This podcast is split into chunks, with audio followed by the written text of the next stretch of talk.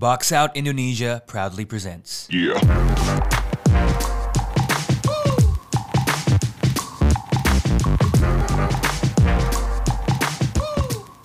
Oke, saya kembali lagi setelah membiarkan Abi dan Aji ngomongin Lakers ya. Eh, ngomongin Lakers, ngomongin Clippers. Sekarang gue balik buat ngomongin Los Angeles Lakers. Nah, eh, ini gue akan curang sedikit ya. Bi, tolong tanya ke gue bagaimana off-season Lakers. Hmm, menurut gue ketawa tapi maksud gue should be should be fun sih should be it's, it was a fun off season for them karena bahkan di Nah, nah, nah, nah, nah. Ah, sebelum lu, ini sorry gue potong. Ini gue Hmm. balik. Gue minta lu buat tanya ke gue bagaimana off-season Lakers. nah lo jadi langsung deh kalau gitu karena kalau gue kayak ini banyak banget dan gue kayak ini total total revamp coy this is le GM le GM le GM off season lah kayak oh gue gak suka tim tahun lalu fuck you fuck you fuck you go away go away go away and I'm gonna call my friends come come to LA udah datang semua sekarang kira teman-teman nih what do you think about the Lakers off season man Eh, off-season terbaik di dunia. Kalau misalkan ini tahun 2012. eh, kenapa? Karena maksudnya gini, lu datangin Westbrook, Mm-mm. lu datengin Ariza, lu datengin eh, Wayne Ellington, lu datengin eh, Rondo, lu datengin Melo, lu datengin Dwight Howard gitu, lu datengin Ken Bazemore. Kalau misalkan ini tahun 2012, ini dulu nggak mungkin gak juara gitu loh, ya kan? Tapi again gitu, ini tahun 2021 gitu kan. Jadi ya itu will be quite quite interesting to follow ya, to say the least gitu kan. Cuman gue akan kembalikan gitu kan. So how do you see the Lakers of season? Gue cuman pengen lempar itu doang tadi. Um, nggak ya it could be a success, it could be not. Tapi ya gimana ya? Apa kayak it, it, it- di atas kertas ini the team that the- a team that's perfect for LeBron. LeBron plus shooters, iya nggak sih? Iya kan? LeBron plus shooters Ex- and a ex- rebounder. Oh, and rebounder oke. Iya. Oke, gue setuju. Karena maksud gue ya, lu butuh rebound if you have that many shooters gitu. Tapi kayak apa ya? Karena kalau lu lihat ini ya, the Miami Heat construct ini this might work ya, tapi ini granted LeBron Miami itu imba sih beda level. Maksud gue gini, you have LeBron, and then you have uh, Dwayne Wade yang sekarang mungkin equivalentnya Le- uh, Russell Westbrook ya, walaupun Westbrook. Dwayne Wade masih di atas West- Westbrook lah dari segi IQ and all that stuff in terms of kind of, you know making winning plays. And then you have Bosch slash AD slash AD. Iya nggak sih? ya, ya comparisonnya masuk akal lah. Masuk akal kan kayak both are good in defense and all that stuff. And then sisanya kan shooters kan. Dulu kan Mike Miller, Ray Allen, etc. etc. And then you have the rebounders such as you know um, lu siapa sih gua bahkan Bird- Birdman kayak energy players lah. And you have Dwight Howard dan dari DeAndre Jordan di sini sekarang. Maksud gua that's how you construct a team in, in uh, buat LeBron. Ya. Tapi mungkin masalahnya people think about age, think about fit. I mean, ya ini mah udah ya if, if fit for LeBron ya it's gonna be LeBron LeBron center gitu. Bro, if you have LeBron, LeBron's gonna build his team. Gitu. LeBron's gonna project his vision to the, to the, to the entire team. Lu gak mungkin ngomong kayak LeBron lu jadi ya, jadi secondary ball handler gitu. I mean if the, the moment you say that bahkan itu GM-nya GM-nya akan dipecat kali besoknya that's the power that's that's how much power LeBron has but basically ya menurut gue itu sih um, ya hopefully sih it will work out karena I mean like kalau lu if you're neutral you would want to see Melo you would want to see Russell Westbrook you would want to see siapa lagi yang belum punya ringnya di situ dan Andre Jordan Eh, Malik Monk. Malik Monk ya Malik Monk masih muda gitu loh Nah, Bazemore, And- Howard. Ya, yeah, the, Howard udah punya ring juga, Bazemore juga udah punya ring. Maksud gue kayak those kind of um, players gitu yang Yeah, yeah. you would want them to get ring gitu. Tapi apakah ini cara terbaik? Uh, we'll see. Dan maksud gue yang gue sayangkan adalah they have to let go of Caruso sih. That's one big one big loss. Ya, apa ya maksudnya?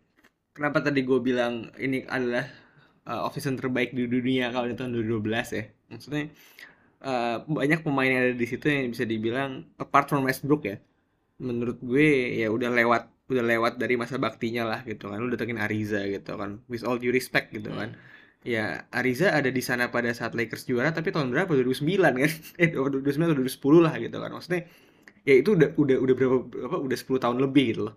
Yang di mana eh, kita nggak tahu kan kapasitas Ariza sekarang seperti apa gitu. Maksudnya gini. eh, mungkin ada benefit of the doubt karena beberapa season kemarin ya bisa dibilang selain dari hit ya ya mainnya di tempat-tempat yang ya bisa dibilang juntrungan nggak jelas lah gitu kan jadi masih ada benefit of the doubt untuk Ariza gitu kan cuman again gitu loh maksudnya on, di atas kertas bisa dibilang ya basically ini roster yang dibuat untuk uh, keep up sama Nets kan cuman ya kalau menurut gue pribadi Hmm. Uh, apa namanya margin of errornya menurut gue ini lebih rendah daripada Nets gitu loh. Yang di mana again uh, Nets punya KD dan Harden ya. Gue bahkan tidak memasukkan Irving into the equation gitu loh. Cuman dengan melihat bagaimana LeBron, AD dan Westbrook ya menurut gue apa ya loophole eh, apa namanya kecacatannya lebih banyak lah. Yang di mana LeBron bisa cedera lagi gitu kan. God forbid ya. Cuman bisa gitu kan udah kejadian Eh, AD as we all know gitu kan. Gue tidak expect AD main lebih dari 70 game. Dan Russell Westbrook kita tahu gitu kan. Ya high volume low efficiency gitu kan. Meskipun ini gue agak pengen pointing out sembari gue bridging ke ekspektasi gue buat Lakers Hmm. ini akan menjadi pertama kali kita ngeliat Russell Westbrook datang ke sebuah tim dan clear dia sadar kalau misalkan dia bukan pemain nomor satu di situ. Itu yang paling pengen gue lihat gitu loh. Karena ya kayak kita ngeliat Westbrook di eh, apa namanya di OKC jelas selepas KD datang dia jelas pemain nomor satunya gitu kan even dengan datangnya Paul George ya meskipun sejauh apa gue merasa pada saat ada Paul George di sana Paul George lebih bisa untuk mengambil that number one mental di OKC ya. Karena there are times yang di mana Westbrook tidak bisa perform ya Paul George bisa perform gitu kan tapi tetap ada Hmm. ada vibes kalau misalkan Westbrook is the number one guy in OKC and not for the wrong reason ya. Dan bukan ah, bukan Ya, sesuatu ya, yang bisa ya. gue lawan juga gitu kan. Westbrook pindah ke Rockets gitu kan. Sama kasusnya dengan Harden gitu kan. Kita ekspektasinya adalah uh, Westbrook datang benar-benar untuk supporting Harden. Cuman faktanya tidak juga gitu kan. Di mana akhirnya harus menciptakan uh, situasi di mana Westbrook bisa uh, prevail sebagai pemain nomor satu gitu kan. Uh, dengan tanda kutip gitu loh pada saat Harden tidak main gitu kan. Eh, apa sampai ke musim lalu juga sama di Wizards kan yang dipikir akan benar-benar satu dia sadar kalau misalkan dia sudah bukan dia tidak akan bisa menjadi pemain nomor satu dalam uh, tim yang contending gitu kan. Ketika dipasangkan dengan Bill ya basically cerita sama dengan Harden gitu yang di mana akhirnya uh, Iya. apa namanya dibuat kondisi yang sama seperti di Rockets gitu kan. Ya meskipun terlihat bagus dengan stats yang dia punya gitu and man I do love him di uh, fantasy league tapi again kalau misalnya kata kata lo di beberapa episode sebelumnya kita nggak ngomongin fantasy soalnya kan nah ini akan jadi ini akan Tapi wait, wait, wait. gimana gimana Nggak, nggak, nggak. Bold assumption of you to think he's already, ya, dia udah sadar bahwa dia nggak bisa jadi the number one guy. ya itu masih masih masih bisa salah nah itu iya gitu Has he though? Iya kan? Cuman maksudnya adalah gini, lu udah lu datang ke tim ada LeBron James ya. Kita keluarkan AD dulu dari pembahasan gitu kan. Masa iya sih Westbrook segila itu gitu loh. Maksudnya if Westbrook really think that he's gonna come to the Lakers as the number one guy dengan ada LeBron dan even AD ya. Maksudnya gini, tadi gue bilang, gue udah mulai sedikit eh, apa namanya menilai Westbrook lebih tinggi ya, tapi gue karena men maksudnya gini, lu lihat di bubble kemarin pada saat Lakers juara ya LeBron dan AD itu ya basically unstoppable gitu loh sementara lu berhentiin Westbrook gampang biarin dia shoot mid range aja gitu kan maksudnya tapi gini Iya, iya. Or- Tapi, gimana gimana. Kayak, karena uniknya itu dia, kayak two years ago in the bubble, Hmm. sorry nggak two years, gue tuh selalu one and a half years one and a half years ago, Lakers knew how to beat Westbrook gitu. Iya, iya. And they put it on national TV kayak let the motherfucking guy shoot. Didatengin. Dia terlepas dari mungkin itu dan satu ya gitu deh. Pokoknya basically itu lu itu poin lu Joyce. Eh continue please. Sorry. jadi bener-bener gue ngeliat kalau misalkan dia masih ngeliat bisa apa namanya jadi orang nomor satu di Lakers ya man dude's crazy man tapi kalau misalkan dia sadar untuk dia eh, sampai akhirnya datang ke Lakers bahwa gue ini cuman sebagai pemain nomor 2 atau bahkan nomor 3 gitu yang di mana I will bow down to LeBron gitu kan meskipun kalau misalnya kita ngomong teknis bagaimana LeBron dan Westbrook main bareng itu beda cerita ya. Gitu. Maksudnya kalau misalkan Westbrook datang dengan mentality adalah bisa dibilang ini chance terakhir gue untuk ngebuktiin kalau misalnya gue bisa juara dan gue main bareng LeBron ya ada tuh certain level AD lah ya gitu kan. Ya basically gue harus mau ikutin apa yang LeBron bilang gitu kan. Karena kalau misalkan tidak ya udah gitu loh. Karirnya habis gitu loh. Nggak udah udah maksudnya gini. Udah jelas maksudnya udah terlalu banyak kasus yang di mana ya contoh yang di mana ya Westbrook masih mencoba untuk pemain nomor satu dan ya akhirnya terlihat dari stats terlihat bagus gitu tapi secara tim ya kan gitu-gitu aja gitu loh maksudnya not even conference finals jadi kayak ya this should be a wake up call for Russell Westbrook sih gitu kan nah cuman ini ya apa namanya gue sambil sambil shifting ke lo juga gitu loh how do you see the Lakers uh, entering the season B ekspektasi lo apa Ekspektasi gua um, ya apa ya? Again, with a team with a team yang ada LeBron, it has to be championship or bust, right? Mhm. I mean, he's still that good um, kalau sehat, and that's a big if right now gitu dengan umur dan his body. Um, but I think, yeah, I think it's it's it's gonna be, it has to be at least conference finals. Mungkin kalau mereka kalah lagi dengan Suns atau Utah, maybe those only those two teams ya from the West and if they make it to the finals, kalau mereka ngelawan Bucks atau um, Nets, ya udah mereka kalau kalah ya itu akan jadi yang ya udah gitu. Maybe those two teams are better and well equipped. Tapi against other teams kalau mereka kalah gitu loh ya it's it's it's gonna be a disappointment. Even if they reach the NBA Finals and they somehow face Miami Heat atau Philly kalau misalnya kalah ya ya menurut gue udah udah udah udah apa ya it's gonna be a disappointment. Ya, dan dan ini ya apa namanya? It's really hard to see them even even dengan asumsi Nets sampai ke finals dan Lakers sampai ke finals ya. Gua menurut gue pribadi pun Nets still have the ages gitu loh. Karena menurut gue jauh lebih well equipped dibandingin apa yang Lakers punya sekarang gitu kan. Meskipun uh, gue nggak tahu apakah ini sebuah recurring team buat LeBron ya.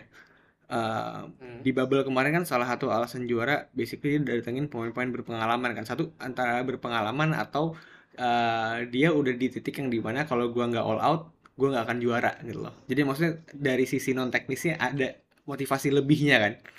Dan kalau misalkan ngelihat uh, pemain-pemain yang ada sekarang in some manners mirip lah gitu kan. Lu datangin belum memulangkan kembali Rondo dan Howard yang menurut gue pribadi juga sebenarnya season lalu harus stay di Lakers aja ya.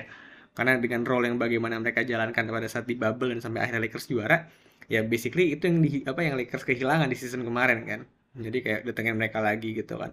Dan ini apa ya I'm not a fan of Melo tapi gua suka dengan gesture datengin Melo gitu kan. Maksudnya Melo will uh, Melo will be playing with a chip. Gue nggak tahu ada berapa banyak chip yang di ada ada di uh, bahunya dia ya.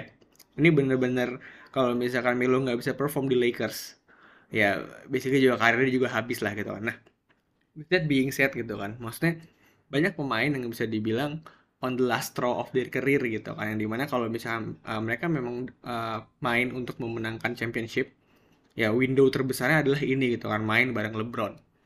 Yang di mana mungkin kalau misalkan Hmm. gue sedikit geser sedikit adalah yang akan menjadi kuncinya adalah bagaimana kesehatan LeBron masuk di musim ini gitu kan. Karena ya kita tahu lah season kemarin basically rusaknya karena LeBron cedera. Karena sebelum LeBron cedera Lakers masih terlihat cruising kan.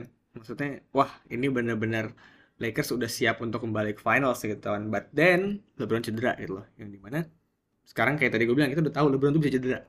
Dan dia semakin tua gitu kan. Jadi bagaimana LeBron bisa menjaga kesehatannya? Kese- gini nih di off apa di regular season ya even tanpa LeBron dengan ada Westbrook pun menurut gue Lakers aman. Yang di mana Hmm. apa namanya uh, gini the perks of having LeBron and Westbrook siapa pun yang main di antara mereka berdua siapa pun yang pegang bola gaya mainnya tipis-tipis saja kan. Tidak akan banyak perubahan lah. Nah yang jadi permasalahan adalah bagaimana caranya memainkan mereka berdua secara bersamaan kan. That's, that will be the biggest issue that uh, both LeBron and Coach Vogel uh, have to face gitu. Karena itu tadi Hmm. gitu. Kalau misal uh, agak nyambung dengan yang tadi gue bilang kalau misalkan Westbrook sudah berdamai kalau misalkan ya gue datang ke sini harus ngikutin LeBron gitu kan gue sangat pengen melihat uh, Russell Westbrook yang pada saat dia tidak pegang bola tidak cuman uh, nopang lutut dia di pojokan ya. Karena satu yang paling gue nggak suka dari Westbrook di offense ketika dia tidak pegang bola.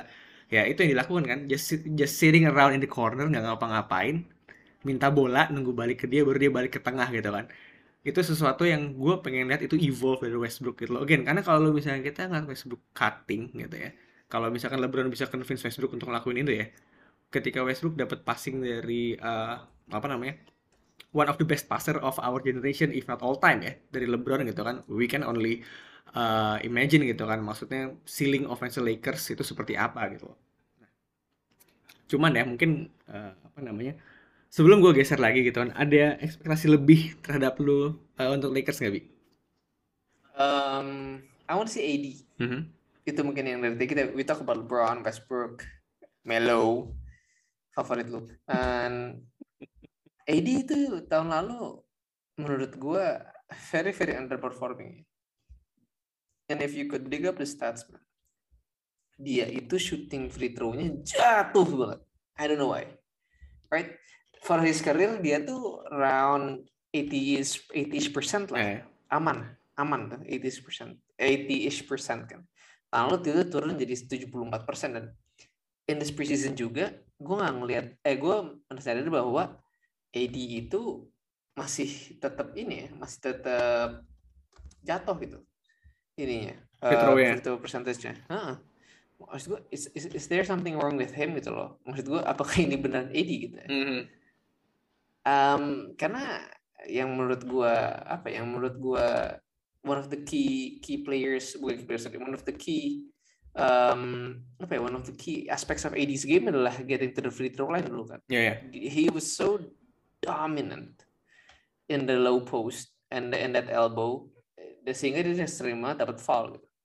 Sekarang ya gue tahu dia mainnya lebih ke arah two man game and you know um, lebih isolated lah ya. Tapi he needs to get to the free throw line seven times a game menurut gue to become efficient. Eh, sorry, uh, lebih efektif to to in, to maximize his uh, impact to the game offensively gitu. And I think ya gue nggak ngeliat di, di tahun kemarin ya, especially he's playing well sih. And I think they need AD to go back to the Pelicans AD. Karena as we said juga earlier kan, and if if if LeBron ya udah merasa bahwa ya apa ya his time is nearing to an end, mungkin dia akan ngasih sedikit lebih ke Anthony Davis gitu. In terms of offensive load. Cuman kalau misalnya AD-nya tetap yang kita dapat adalah AD ya tahun lalu ya, dan tahun preseason ini karena it's he's really bad gitu maksud gue ya granted preseason tapi tahun lalu it's, he's really bad sih. I I'm uh, gue rada ini sih gue rada sedih gitu. Don't and this is not about fantasy gitu karena ya. But yeah I wanna see AD go back. Ya ini mungkin sebelum sebelum gue lanjutin ya kalau misalkan uh, tadi Abi bilang it's not about fantasy jadi mungkin buat bridging aja gitu ya. Jadi basically dua season kemarin ya Abi pegang AD and dan kita tahu kan AD gimana dua eh, dua musim kemarin gitu kan. Ya cuman ini ya apa namanya gue pengen menyentuh sedikit soal gini kalau uh, please do correct me uh, if I'm wrong ya kalau misalkan memori gue salah gitu ya yang gue ingat adalah pada saat uh, AD memutuskan datang ke Lakers, LeBron pun udah bilang dia pengen AD yang menjadi pemain nomor satunya kan. Bahkan secara simbolik pada saat itu LeBron mau ngasih nomor 2 3-nya ke AD kan. Nah, yang yang apa yang gue jadi itu itu itu culas saya tuh apa tuh? biar dia lepas dari dua tiga gitu oh nih buat AD deh buat AD buat AD Ya, akhirnya nggak kejadian nggak kejadian juga gitu kan. Cuman gini, terus apa, apa namanya eh yang di mana eh, apa namanya logically speaking wajar karena maksudnya LeBron udah tahu umur dia udah apa namanya ya basically Tua. dia dia udah ada di penghujung karirnya lah gitu kan maksudnya tidak seprime Iya. 10 ta- tidak seprime Miami LeBron gitu kan. Maksudnya dia pasti akan butuh bantuan lebih banyak atau bahkan dalam kondisinya adalah LeBron di sana untuk membantu gitu kan. Cuman kan ternyata eh, apa namanya sejauh yang kita lihat AD belum bisa gitu loh ternyata gitu kan. Nggak tahu apakah akan bisa will this be the season? Mungkin. Cuman itu tadi banyak eh, banyak yang harus terjadi untuk eh, AD bisa eh, memenuhi bisa dibilang eh, keinginan itu oleh LeBron gitu kan. Karena baik lagi gitu loh terakhir kali AD main eh, di atas 70 game kalau misalnya gue nggak salah itu 2017 atau 2018 gitu loh Hmm. yang di mana well it's not a good sign kan kalau misalkan AD bakal jadi uh, basically pemain nomor satu lo di Lakers gitu lah meskipun uh, AD dalam kapasitas full menurut gue ya basically uns- uh, man dia jadi cheat code gitu loh cuman itu tadi gitu loh, kesehatan dia yang Cheat sel- code? dia, dia yang selalu selalu merusak itu gitu nah jadi sebenarnya gue juga pengen nyambungin Wait, wait. Lu, wait, I mean, we, we can't blame him lah. Dia juga pasti nggak mau cerah. iya Bukan sih dia yang merusak. nah nah, nah gue- apa uh, bukan nasibnya, nasibnya. nasibnya gitu itu sangat disayangkan gitu nah sebenarnya itu yang gue pengen lihat adalah Eddie full sehat yang di mana akhirnya dia bisa bener-bener not necessarily harus langsung jadi pemain LeBron lah ya di season ini gitu kan. Paling nggak nunjukin kalau misalkan dia bisa balik eh, kesehatan dia balik dan from dia balik seperti pada saat bubble. Yang bener-bener kita lihat bahwa oh ada alasan kenapa LeBron emang pengen datangin AD kan yang dibutuhkan adalah dua makhluk besar yang tidak bisa lo hentikan di dalam gitu loh. Dan- tapi itu tadi gitu kan ya akan kita lihat lagi bagaimana kesehatan AD gitu kan. Nah with that being said ya gue sebenarnya pengen sedikit menyentuh gue lupa apakah ini kita udah pernah ngomongin on record ya karena gue cuma inget uh, omongin ini offline gitu ya bagaimana LeBron dan Westbrook itu bisa main berbarengan gitu kan lebih ke aspek gini nih. Kalau tadi gue udah bilang kalau misalnya LeBron pengen bola, gue pengen lihat Westbrook cutting kan. Tapi kalau misalnya kondisinya dibalik, gue nggak yakin LeBron akan cutting gitu, gitu di, umur dia yang seperti itu gitu kan. Nah, eh, menurut lo ya gitu kan dengan dengan eh, adanya LeBron dan Westbrook udah pasti eh, apa namanya crunch time atau bahkan nanti eh, apa namanya on the deep run in the playoffs gitu kan pasti kan Lakers akan membutuhkan LeBron Westbrook main bareng ya on the same court for an extended period of time gitu kan 20 menit lebih gitu kan nah menurut lo sebenarnya cara paling efektif biar dua orang ini bisa bermain bareng di lapangan yang sama tuh gimana bi menurut lo? Mm-mm. Gimana ya? Ya, how? I mean, menurut gue still I think Russ has to obey LeBron ya. Yang tadi lu bilang gitu, I don't think LeBron will cut that much gitu.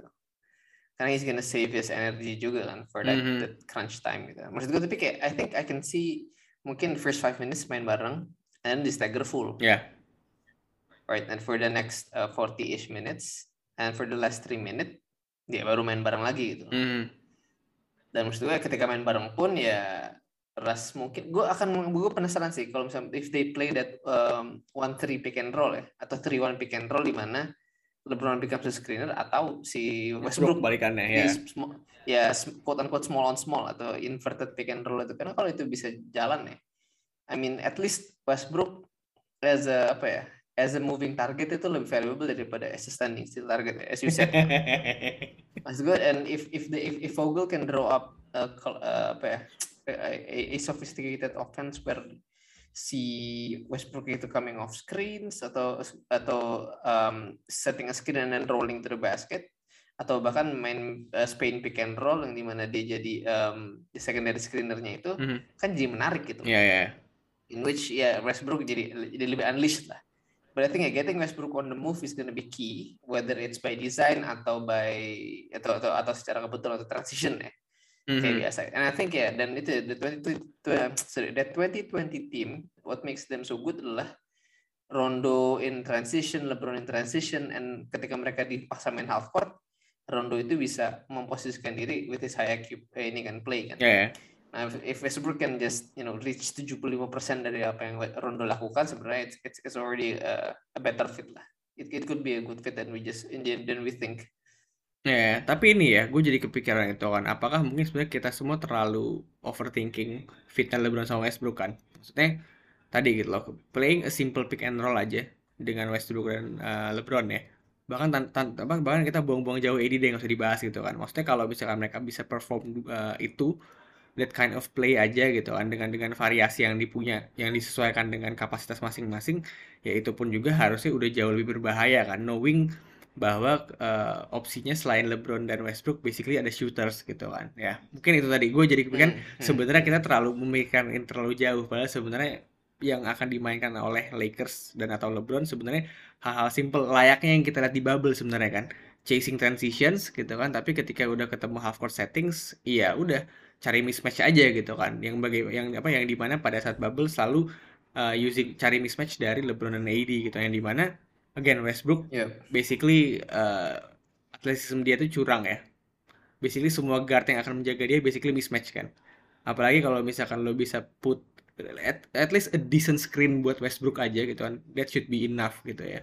Jadi ya dan tambah lagi nih ya gue akan melemparkan lagi nama Melo gitu loh. Ketika nyangkut di half court lo basically bisa utilize Melo lebih kan. Yeah, jadi yeah, itu yeah. mungkin mungkin itu tadi gitu kan. Mungkin at face value sebenarnya eh, apa namanya kelihatannya wah kelihatannya oke nih tapi kalau misalkan kita coba gali sedikit lebih dalam ini gimana cara fitnya ya?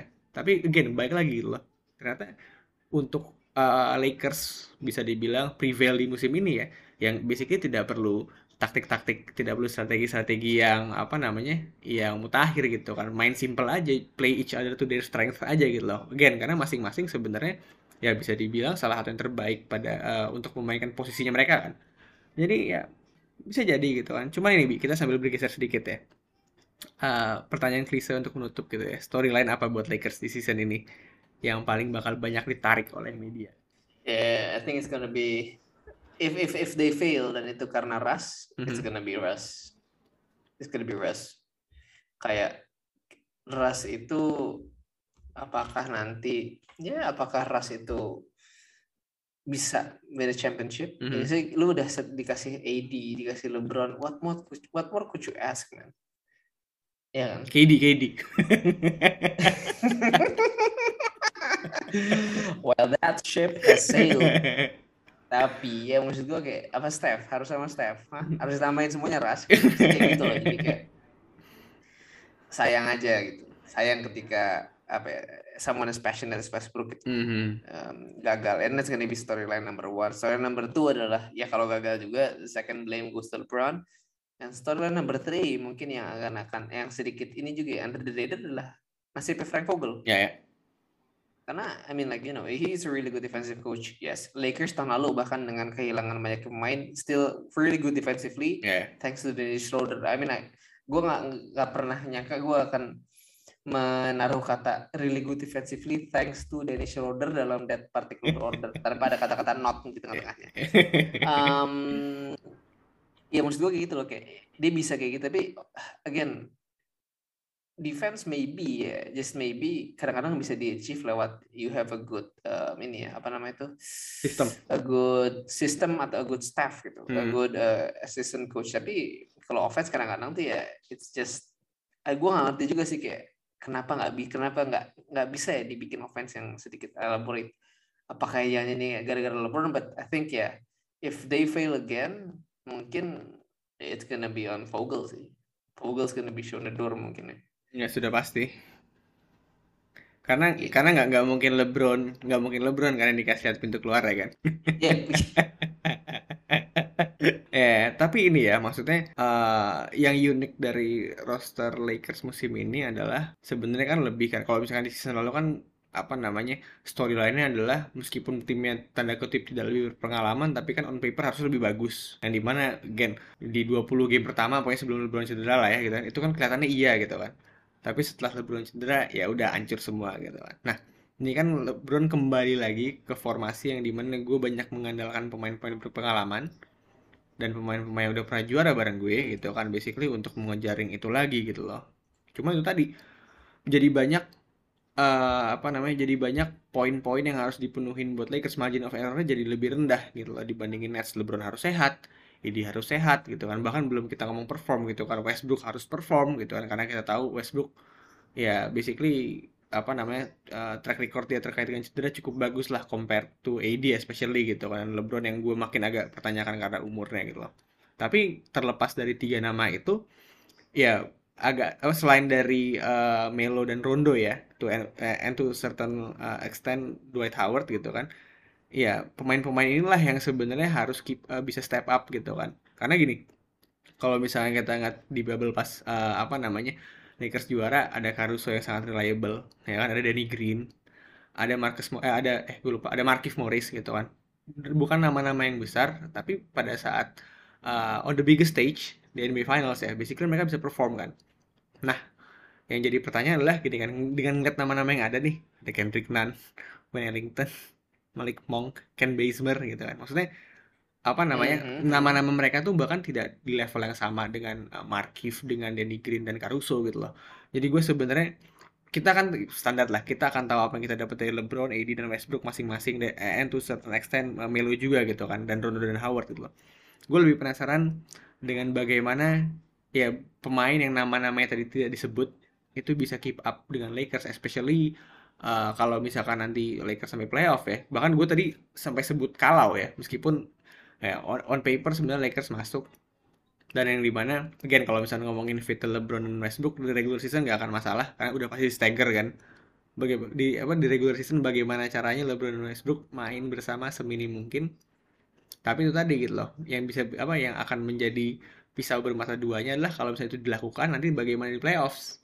Gitu kan. Tapi ya we shall see lah. Iya, iya, gue iya. uh, stance gue terhadap Lakers agak sama dengan Nets gitu kan mereka saking bagusnya gue pengen ngeliat mereka gagal. Tapi again again sekarang jadi ada sedikit soft spot uh, soft spot sama Westbrook ya. At the very least gue pengen ngeliat dia sampai conference finals or even berangkat ke finals lah ya. Karena ya kalau misalkan secara numbers wise uh, lu punya pemain sekaliber seperti itu rasanya sayang kalau misalkan tidak dilengkapi dengan uh, pencapaian di lapangan juga gitu kan. Yang di mana ya Westbrook seperti yang kita tahu gitu kan. Bahkan ada di kasus ekstrim ya empty stat step header dan jadi salah yang di mana bilang orang ini cuma statnya aja yang bagus tapi dia nggak bisa membuat lo juara gitu kan Hmm. cuman uh, kita ngomongin Lakers udah setengah jam gitu kan basically lumayan lama gitu kan gue lupa kemarin apa yang kita omongin lebih lama dari Lakers Bulls kalau nggak salah ya nah uh, ada yang belum gue omongin yang pengen lo sampaikan terkait Lakers Bi Em, apa ya menurut gua nggak ada sih.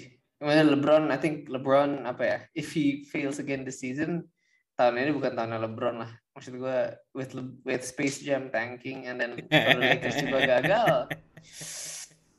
Ya, know man. Oh. Maybe it's time to call it quits. Tapi ini ya, apa namanya? Since you mentioned Space Jam ya, harusnya ini menjadi season lebih baik buat LeBron karena fokusnya full buat basket aja, nggak nggak ada fokus buat bikin film nih. Tapi ya kita lihat aja. Oh, dan oh buat sebuah buat gue tutup ya gitu kan. Kita tahu Lakers, eh, gue nggak tahu, dia preseason udah habis ya. Oh, in six. Ya kan, oh N6 tadi udah gak ada game preseason lagi Eh, ya. oh in five, sorry. Oh oh in five, oh in five. Udah nggak ada preseason Eh lagi. kan, basically intinya adalah Lakers kalah semua game preseason ya.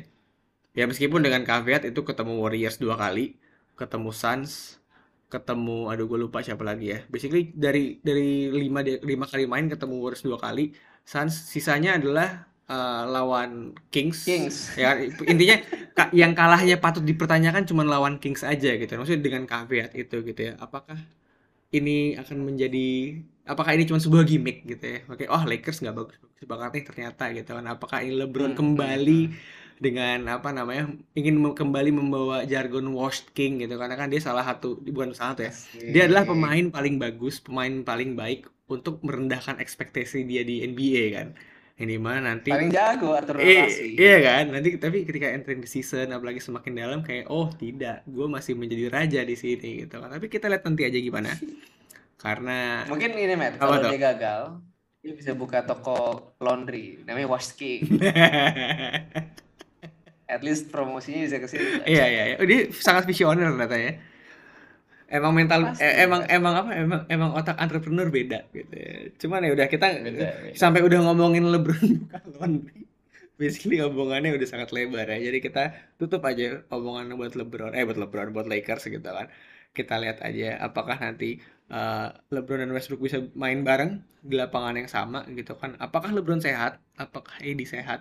Dan apakah Westbrook bisa bermain bareng dengan LeBron dan AD kita lihat aja nanti gimana Uh, abis ini gue harus uh, meninggalkan kalian dulu. Bukan meninggalkan dulu sih. Biasanya sampai abis ya Abi yang akan memandu gitu ya. Karena gue harus pergi ke Like Earth.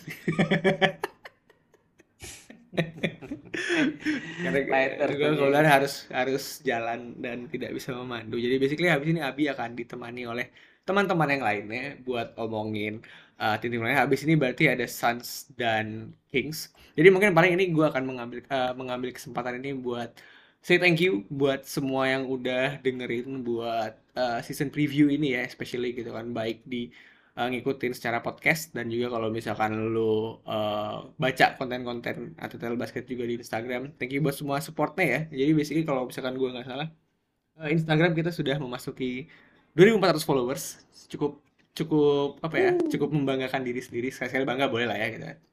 Tidak menyangka bisa sampai di titik ini secepat ini.